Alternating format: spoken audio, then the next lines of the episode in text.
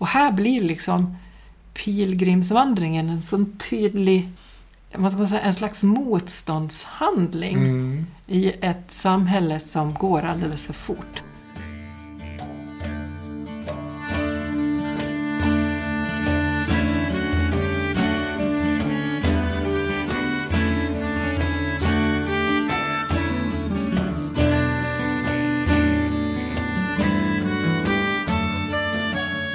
Du lyssnar på Brobyggepodden med Per Westblom och Lena Bergström.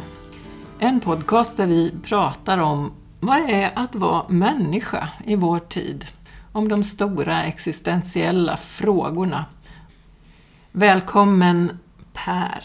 Tack så mycket. Tack Lena. Hur mår du idag? Tack. Jag mår bra. Det är, eh, det är vår nu. Det är eh, väldigt mycket björkpollen. Och det tillhör jag de som, som känner av, men det går ganska bra. Hur är det med dig? Jo, jag, nej, men jag tror inte jag lider av björkpollen utan eh, jag, det är snarare tillfrisknande från en förkylning. Så jag känner mig liksom fit for fight. Ut i livet igen. Härligt. Vi har ju tänkt att det här avsnittet så vill vi prata om skog men fokusera på pilgrimsvandring. Mm.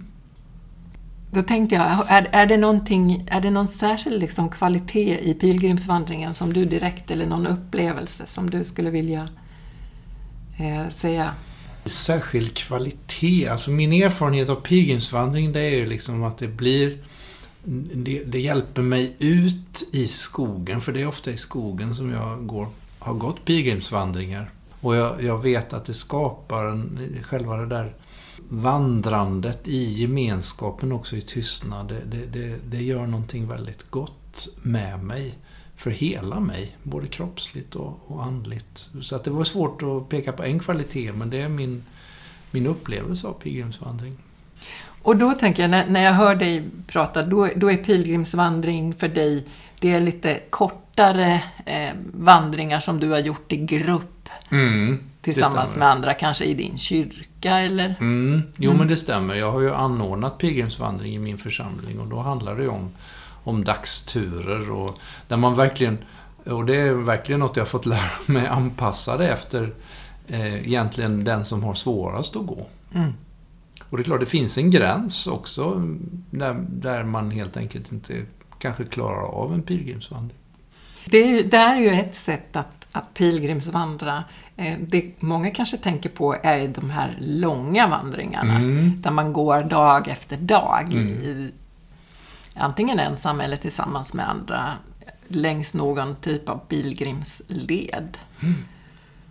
Och eh, så pilgrimsvandring, vi, vi, vi, vi rör oss nog med båda de här perspektiven idag. Men Mm. Pilgrimsvandring har ju en lång, lång, lång historia.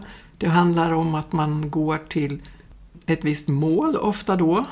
Till Rom var en, en vanlig eh, pilgrimsvandring. Till gravarna där Paulus och Petrus var begravda. Eller man gick till Jerusalem. Eller man gick till eh, Jakobs grav i Spanien Mm.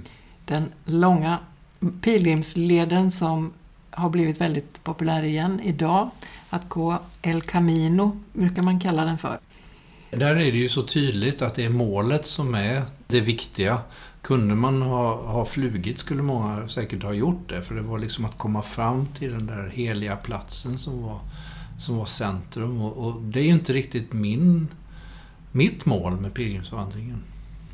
Ja, just det. Du tänker att, det, att målet hade en större betydelse för människor som gick Ja, tidigare. ja, för man visste att den här platsen kunde ha en helande inverkan. Eller kanske till och med meriterade mig som, som, Mm. som kristen på något sätt. Så, så, så det är klart, det fanns en helt annan vördnad för, för själva platsen. För, mig så är, är, är Karin Boyes dikt eh, I rörelse en väldigt tydlig ja, riktningsgivare för hur jag tänker om pilgrimsvandring. För där är det ju eh, hon säger så här, nog finns det mål och mening i vår färd, men det är vägen som är mödan värd.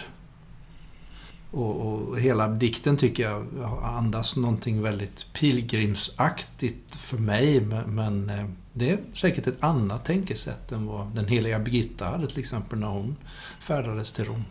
Mm. Så det, det finns en... En del är, handlar om själva rörelsen, att mm. vara i rörelse. Och det andra handlar om att eh, fokusera på ett mål. Mm. Men jag tror att också... Jag föreställer mig att, att även för de som, som så tydligt eh, vandrade med ett mål i sikte så fanns en, en insikt om att den här resan skulle betyda någonting. Mm. Att det var en resa, en yttre resa som på något sätt manifesterade en inre resa. Mm.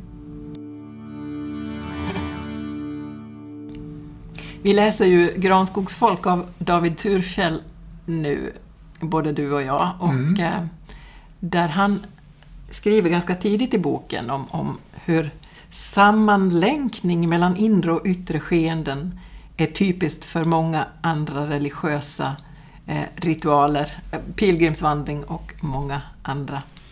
Och han skriver om att i en del medeltida kyrkor var golvet dekorerat med en sorts labyrintmönster som man kallade Jerusalemvägar.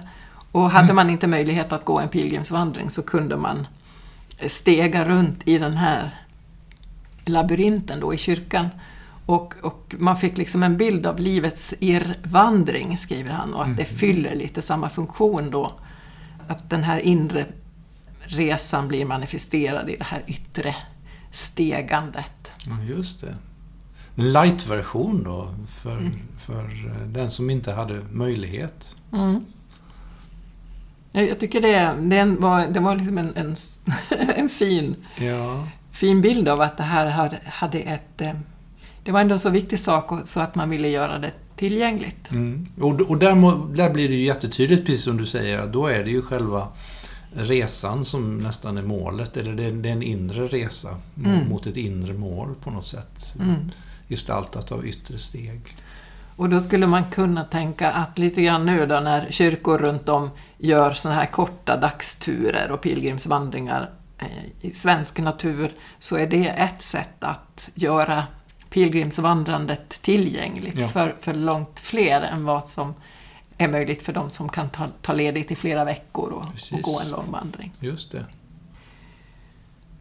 Men det, det här också, Davids eh, intervjuer med människor som söker sig ut i skogen, de gör ju inte det för att de, de pilgrimsvandrar, men, men han hittar ändå att det finns lite kvaliteter som, som liknar det här, att man, man manifesterar någonting inre mm. genom den här yttre rörelsen. Mm. Mm.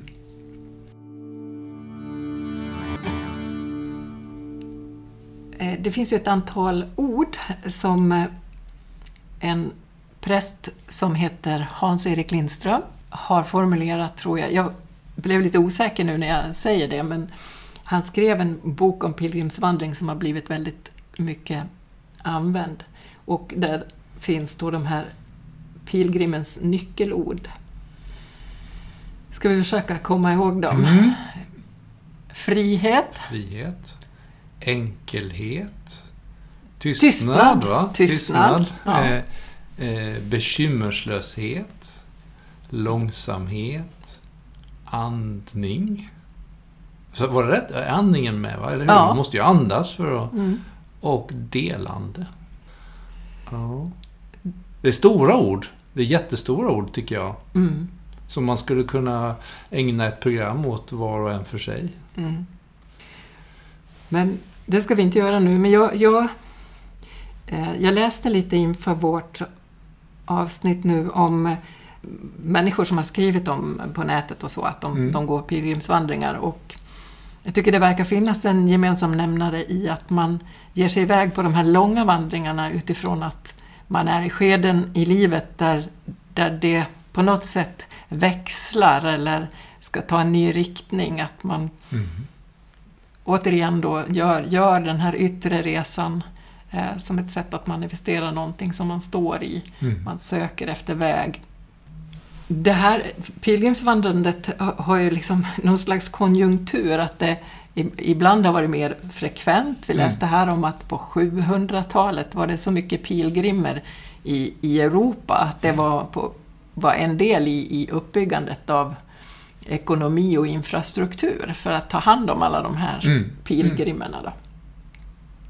Och, och vi kan se i vår tid då igen att det har haft, eller har en, en liksom uppgång, att allt fler går till exempel den här leden i, i Spanien.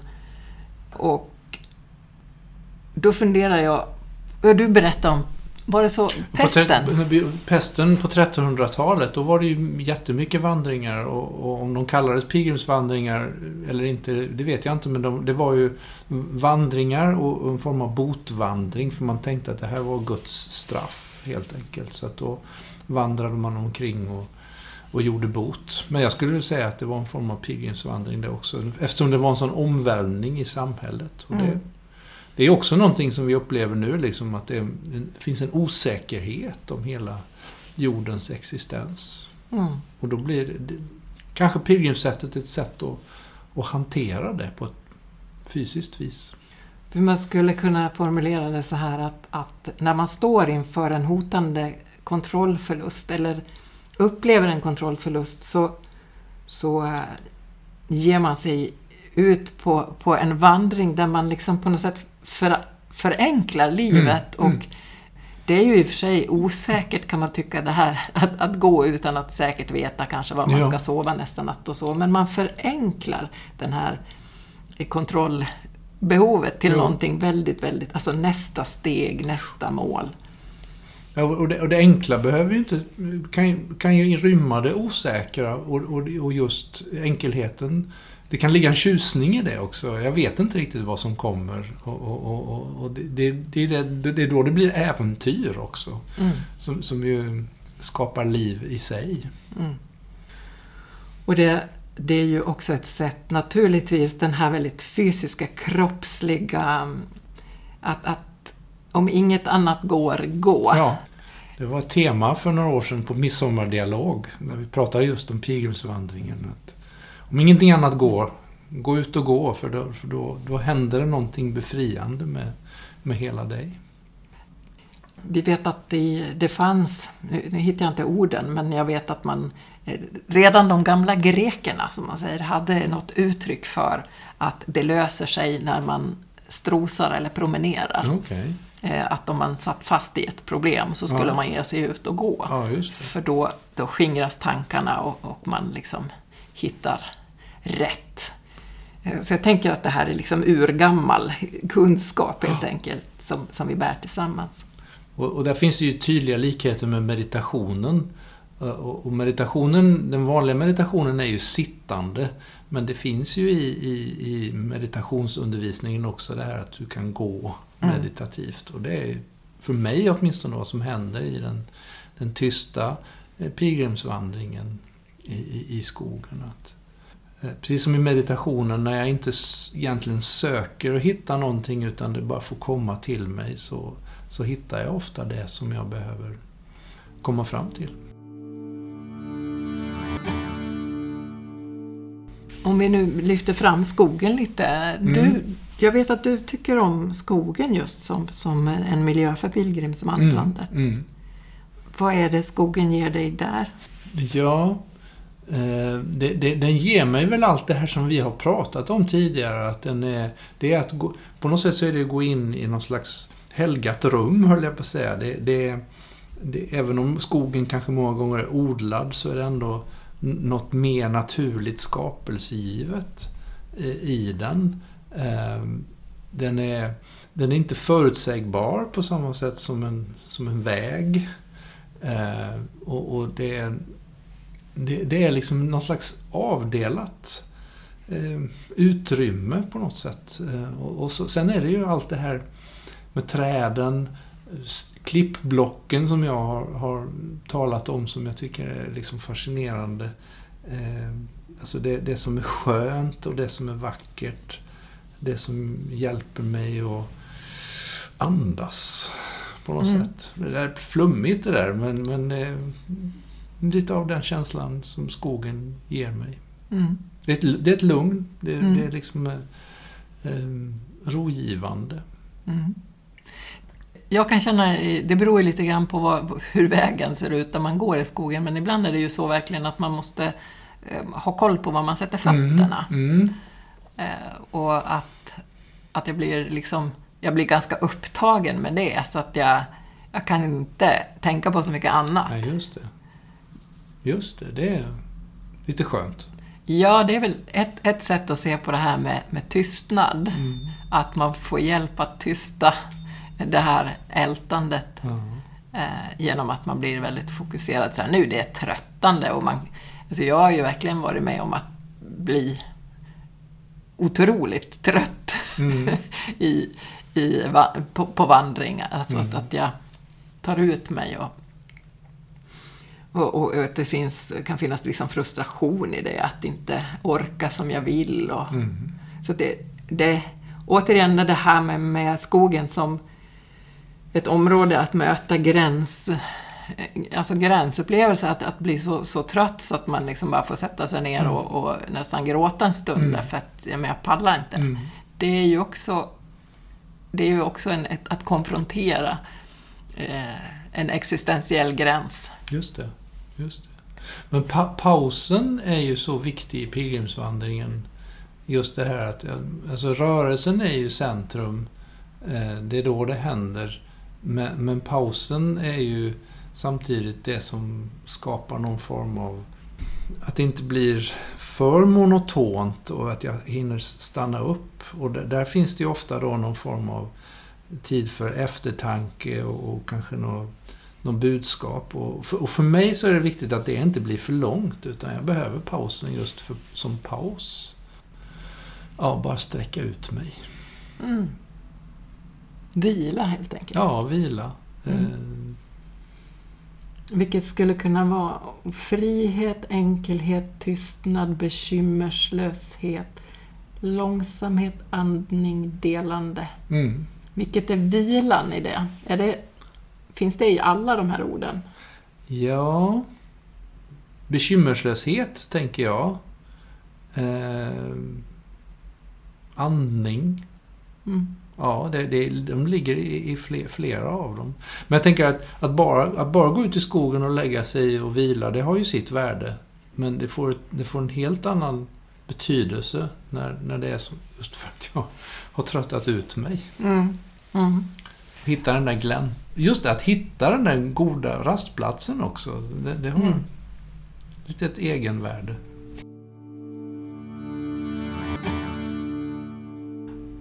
Vad är det, vi, vi, jag tror vi har funderat förut någon gång, vad är det som gör en vandring till en pilgrimsvandring?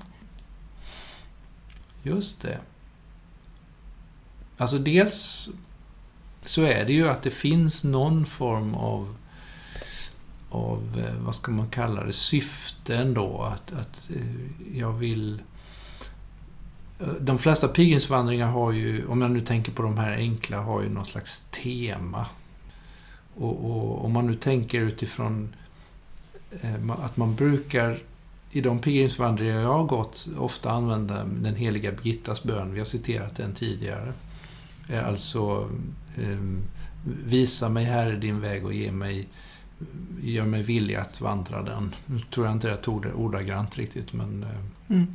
men det är innebörden. Och, och då, bara genom att be den bönen så finns det ju eh, någonting mer än att bara, bara gå, så att säga. Då har jag liksom satt någon form av, av agenda för min, Mm. för min vandring. Visa mig vägen, Visa mig vägen. Ja. gör mig villig att vandra den. Så det, det handlar om, och då handlar det om livsvägen. ja. Precis. Och det kan ju vara jättemånga olika saker som om, vad man behöver hitta. I det finns det ju något lite uppfordrande också. Se din väg. Jaha, nu har jag sett din väg. Fast jag vet inte om jag vill gå den. Ja, men Gud gör mig villig att gå den då också. Och så går jag och så kanske jag Ja. bearbetar det under vägen. Du, du, nu hör jag ju att det här är tolvstegsprogrammet. Men det var ju förra. Ja, men kommer du ihåg hur många av stegen som är på det där sättet? Att man å ena sidan då Just förstår det. vad det är som behöver hända och så behöver man liksom be om att, eh, att komma dit. Att, att vilja att det här ska Just det. hända. Vilja kunna ge upp. Och att man, man ser att det finns en process i det. Just Det vill säga det, det, där Birgitta säger då, eller hennes bön säger att det, det räcker inte med att förstå vilken väg jag ska ta, Nej. utan jag behöver också hjälp att bli villig. Just det. Men det, det är jättebra koppling. Jag har inte tänkt på det. Men, men det är, och, och- jag känner igen det så tydligt från mitt eget liv. För att ofta är det inte så svårt att förstå vad det är jag borde göra. Mm. Och jag kan nog tvinga mig till det, men jag, jag behöver få... Gud behöver hjälpa mig att bli villig på riktigt och, och, och göra det jag ska. Mm. Vilken funktion skulle, skulle, skulle vandringen kunna ha? Ja, om, man tänker nå- något slags kollektivt eh, skeende i, i vår tid där, där vi ändå står i en som, samhällsomvandling. Mm. Skulle, skulle liksom pilgrimsvandrandet kunna, kunna hjälpa oss? Ja. På många sätt. Eh, alltså, jag tänker dels det här rent allmänt så skulle det göra alla människor väl, tänker jag, att, att, att göra det, alltså till kropp och själ. Mm. Mm, Men jag tror ju också att det händer någonting med oss i kontakten med både oss själva och skogen, naturen. Mm.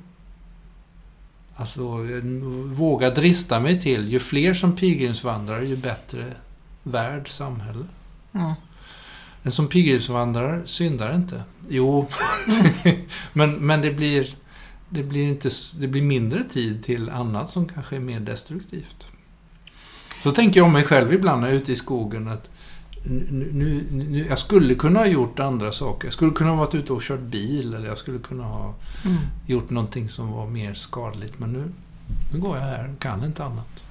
Får, får jag läsa några, några ord, lite så citat från, eh, från Davids bok och olika van, skogs, skogsvandrare, promenerare här som säger Marion, hon säger vi lever ju så oautentiska liv. Kan få vatten ur en kran till exempel. I skogen får man en känsla av det autentiska. Och Selma säger det är någon sorts självklar tillhörighet. Man vill känna att man kommer hem. Anna säger jag absorberas av att vara i skogen. Det får mig att känna mig som en sorts ursprungsmänniska. Också Sten säger vi har ett ursprungsläge som vi aldrig riktigt kommer ifrån och det är det som pockar. Och så David formulerar då, denna känsla är ofta kopplad till en upplevelse av att det vanliga livet, vardagen och arbetslivet saknar autenticitet. Att det är förljuget och ytligt på ett sätt som främjar oss från vårt sanna väsen. Och så ytterligare ett citat då. Det är kanske något som går förlorat i de konstruerade människotillverkade miljöer där det inte finns någon vildhet. Allt är liksom präglat av människan. Mm.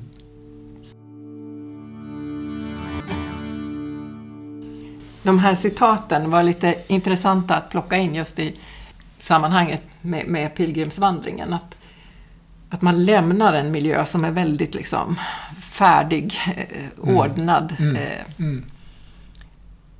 som ju i, till viss, i viss mening kan man ju uppleva den här väldigt färdiga världen som vi ofta Mm. rör oss i. Mm. Man kan ju uppleva den som, som vilsam. Mm. Men ständigt, men den pockar också ständigt Mm. på oss eh, i någon mening. Alltså, Mm.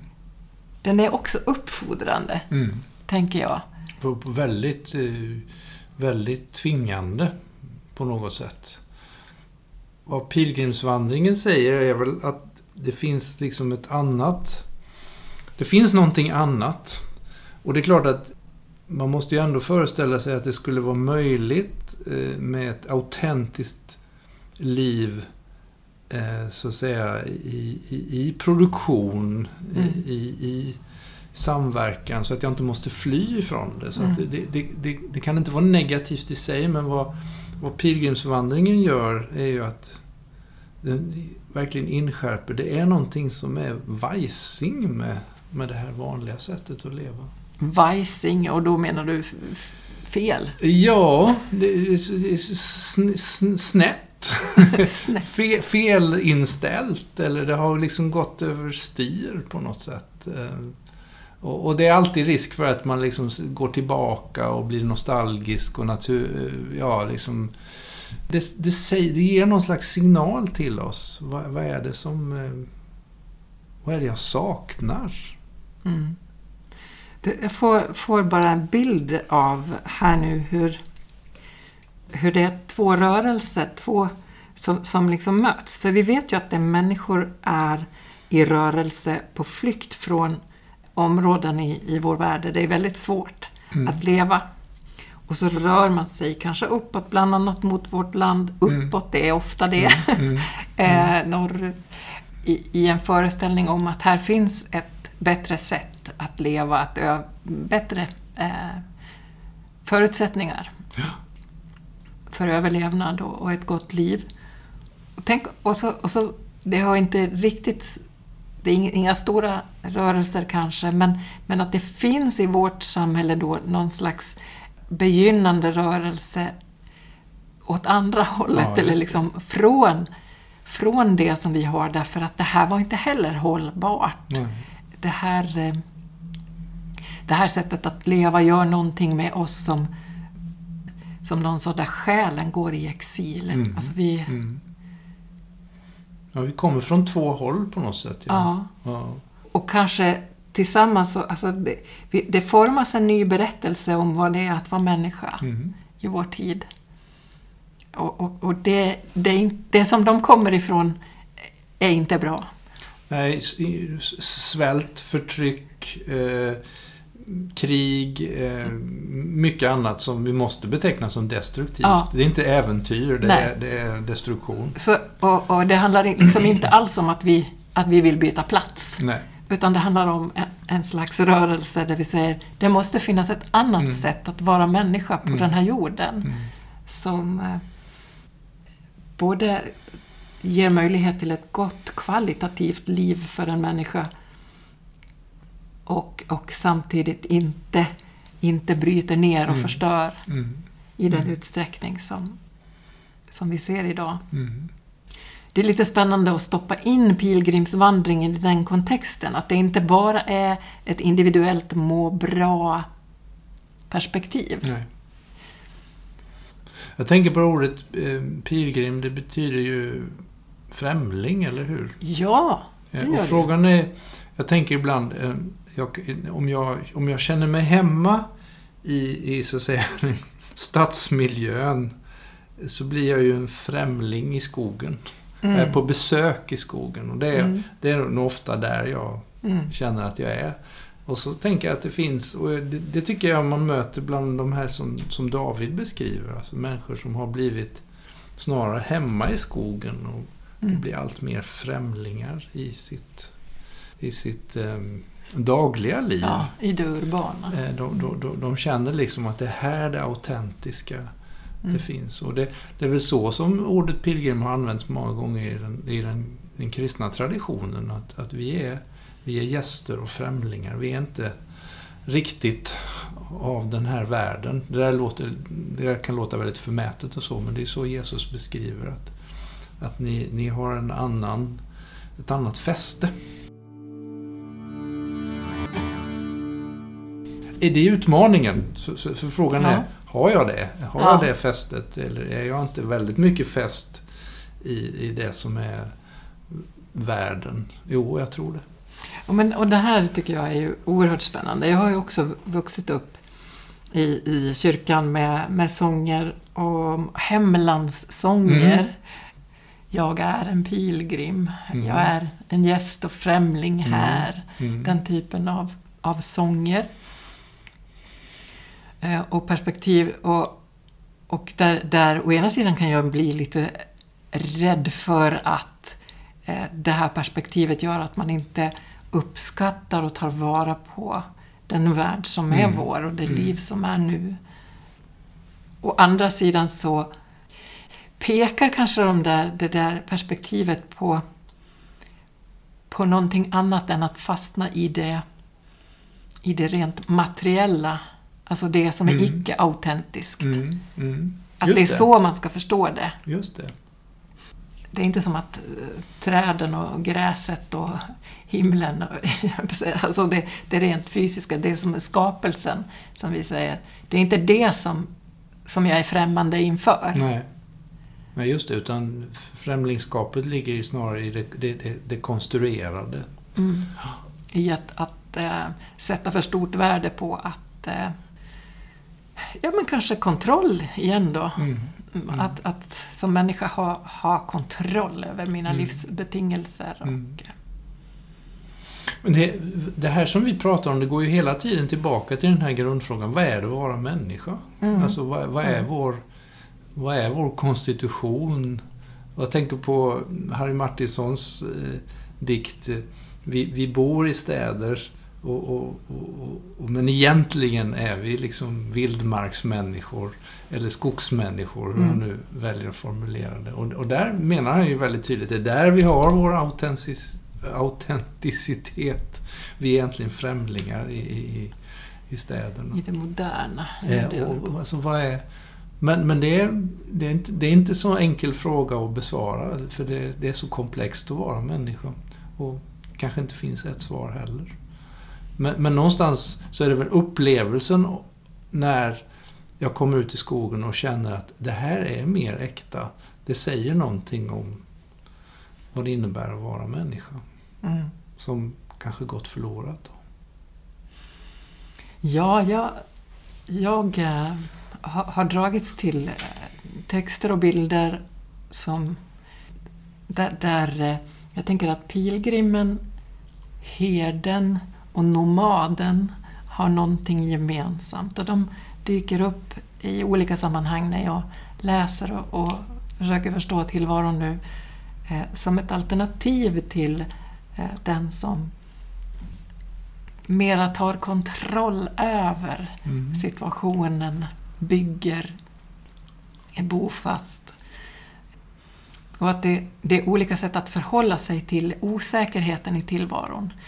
Det, det ena är liksom att försöka ta kontroll, att, Mm. att eh, hitta, ett, hitta sätt att behärska eh, omgivningen och, och världen. Och det andra är det som jag tänker är herdens eller nomadens eller pilgrimens eh, sätt att leva, det är att, att finnas tillsammans med. Mm. Att vara följsam och, och kanske varsam och öppen för de möten som, som blir, men också att man kan stå kvar, om man tänker herden som står kvar med, med sin jord när det blir farligt, så att säga, och är sårbar. Mm. Och där, ehm, där sårbarhet är en del av autenticiteten i att vara människa, är att erkänna sin, sin sårbarhet, sin dödlighet. Och jag tror vi har verkligen problem med det. Just det. Men du, du menar att liksom det autentiska mänskliga livet det ligger i att en förening av de här tre, tolkar jag dig rätt då? Ja, eller de är olika aspekter. Aspekter av, av och, och alla aspekterna behövs. Jag, jag tänker att jag, i, i- Bibelns allra första början så beskrivs ju brödraparet Kain och Abel. Mm. Där Abel är fåraherde och Kain är jordbrukaren och Mm. stadsbyggaren Mm. i en och samma person.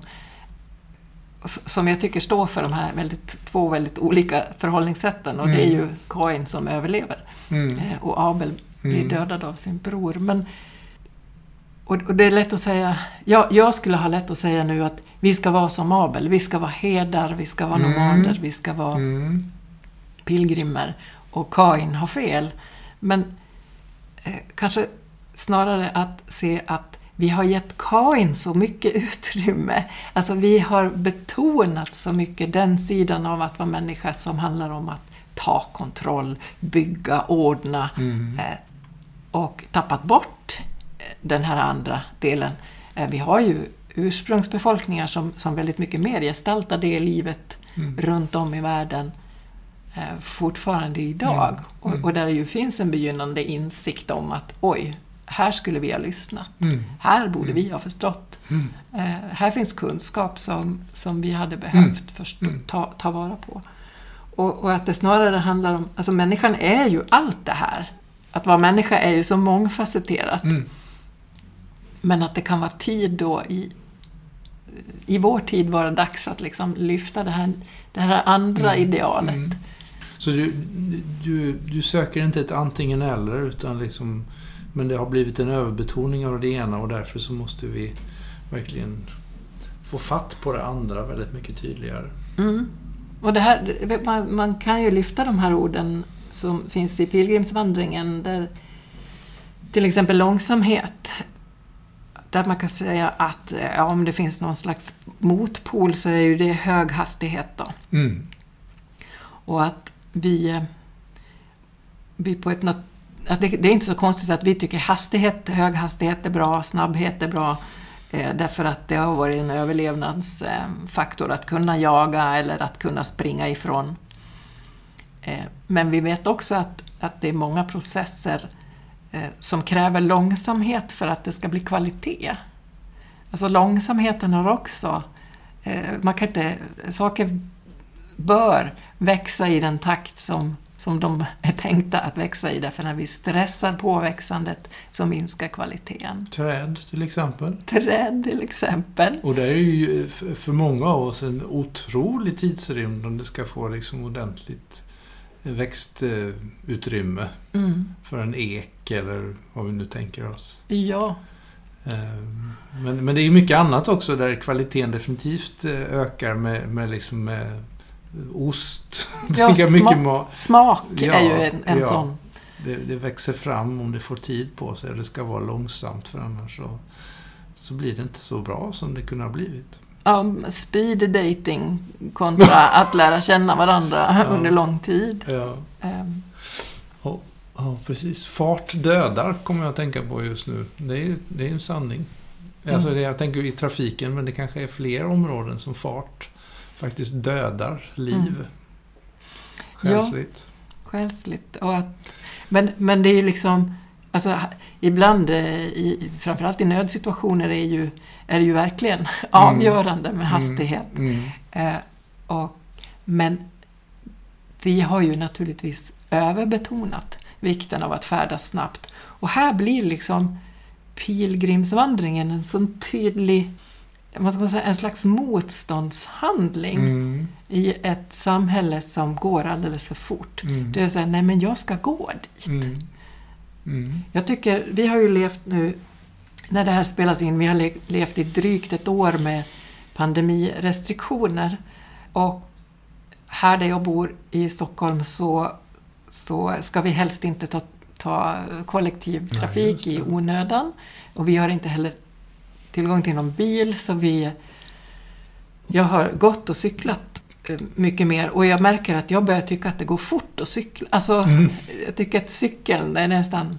Det är för snabbt. Det, ja, men det är som så här att det, man kan känna i, i backarna, oj vad fort det går. ja, ja, ja. Att det är liksom en, en, en... Det har hänt någonting med, med min hjärnas sätt att uppfatta hastighet när jag Mm. så sällan befinner mig i en bil. Ja, just det. Och då, och då får jag ju också en förståelse för att nej, men det här är ju inget självklart egentligen i att, att ta sig fram långa sträckor på kort tid. Det är en ganska kort tid i mänsklighetens historia som det har varit möjligt. Men när man väl har varit där, då är det svårare att backa. Jag tänker det finns ett uttryck som heter fartblindhet. Man Mm. inser inte hur fort man färdas. Och förrän man kanske tycker, när man har kört i 150 och så går motorcykeln ner till 50, det står ju still, jag hoppar av. Mm. Det är ju helt förödande. Ja, Jag kan lika väl hoppa av och gå. Nej, nej, så var det inte. så var det inte. Ehm, Så, så, men, men fartblindheten gör ju att vi, vi, vi just, vi ser inte. Vi ser inte riktigt hur fort det går. Vi ser inte vad som händer när vi åker. Nej. Färdas med så, så enorma hastigheter. Alltså då tänker jag både själsligt på något sätt och, och rent fysiskt. Mm. För, för det är det är mycket annat som ska gå fort också. Ja, Alltså snabba leveranser av, av, av uppgifter och, och Mm. annat. varför är, är det så lätt att fastna i att det där snabba är, är, är bra eller gott? Ja.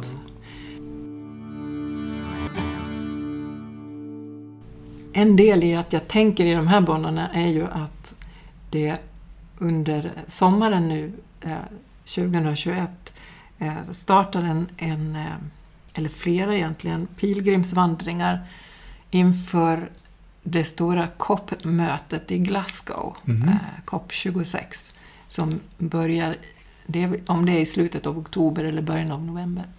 Och bland annat här från Sverige, från Vadstena, så eh, finns en, en vandring då, walkforfuture.org kan man eh, titta på om man vill veta mer om det. Mm. Men där blir liksom, där har man nu tagit initiativet då till en, en vi går dit. Mm.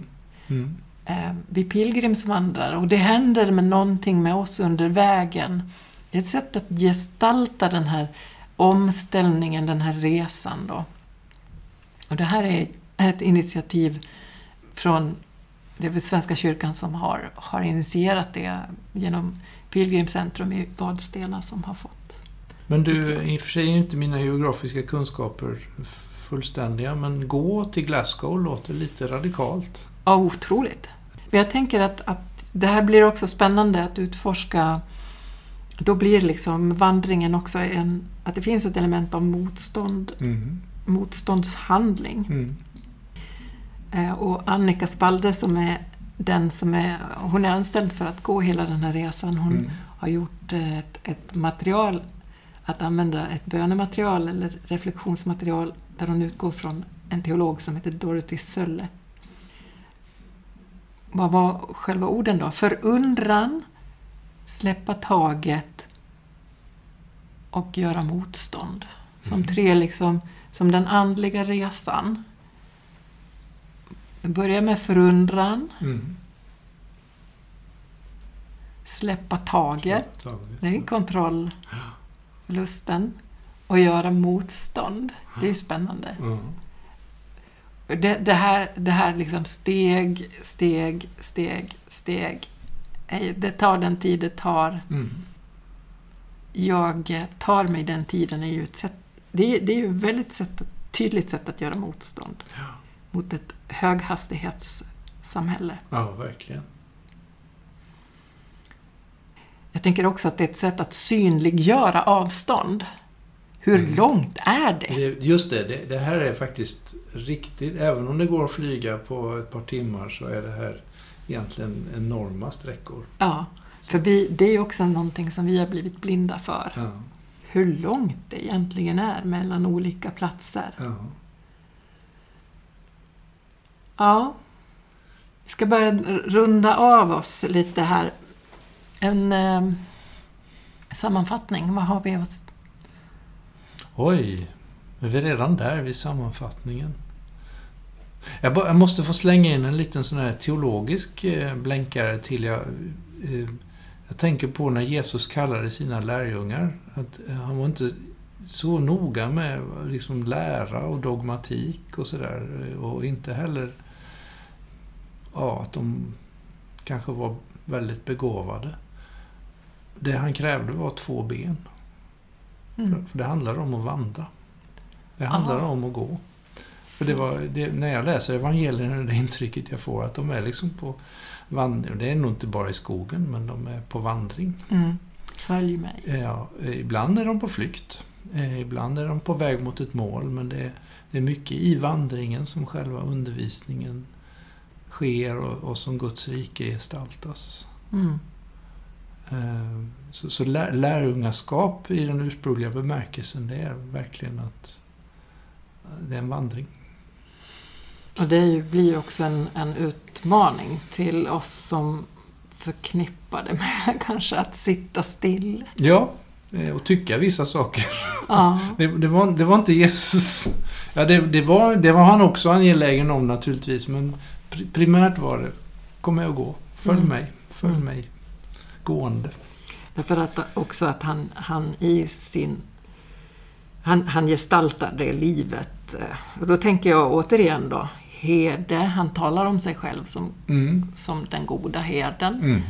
Eh, han lever lite som en, en nomad eller en pilgrim i, Mm, i det här landskapet. Eh, och delar öppet med andra det som behövs för livet och bekymmerslösheten finns där. Ja.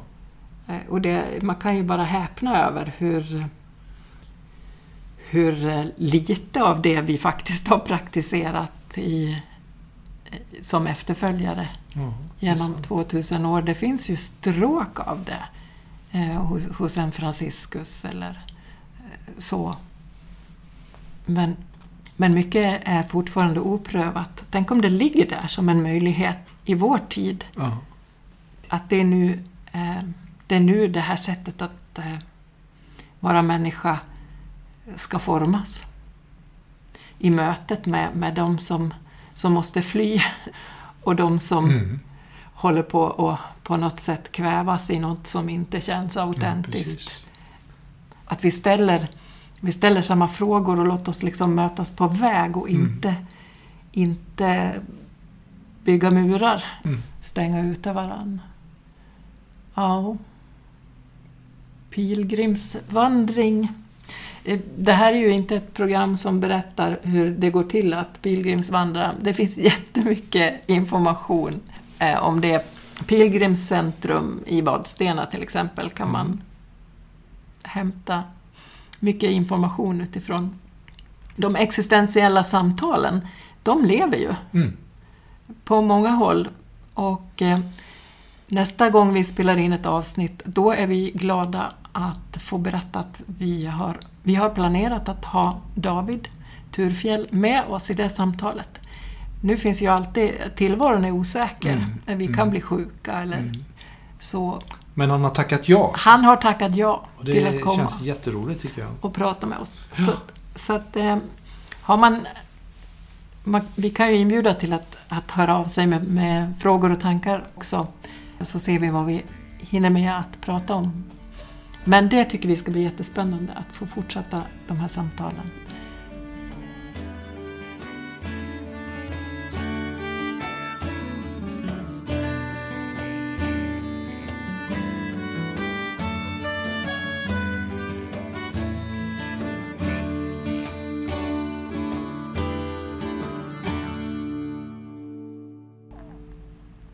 Du har lyssnat på Brobyggepodden och vi har talat om pilgrimsvandring som en del i att bearbeta våra existentiella frågor och försöka förstå vad det är att vara människa.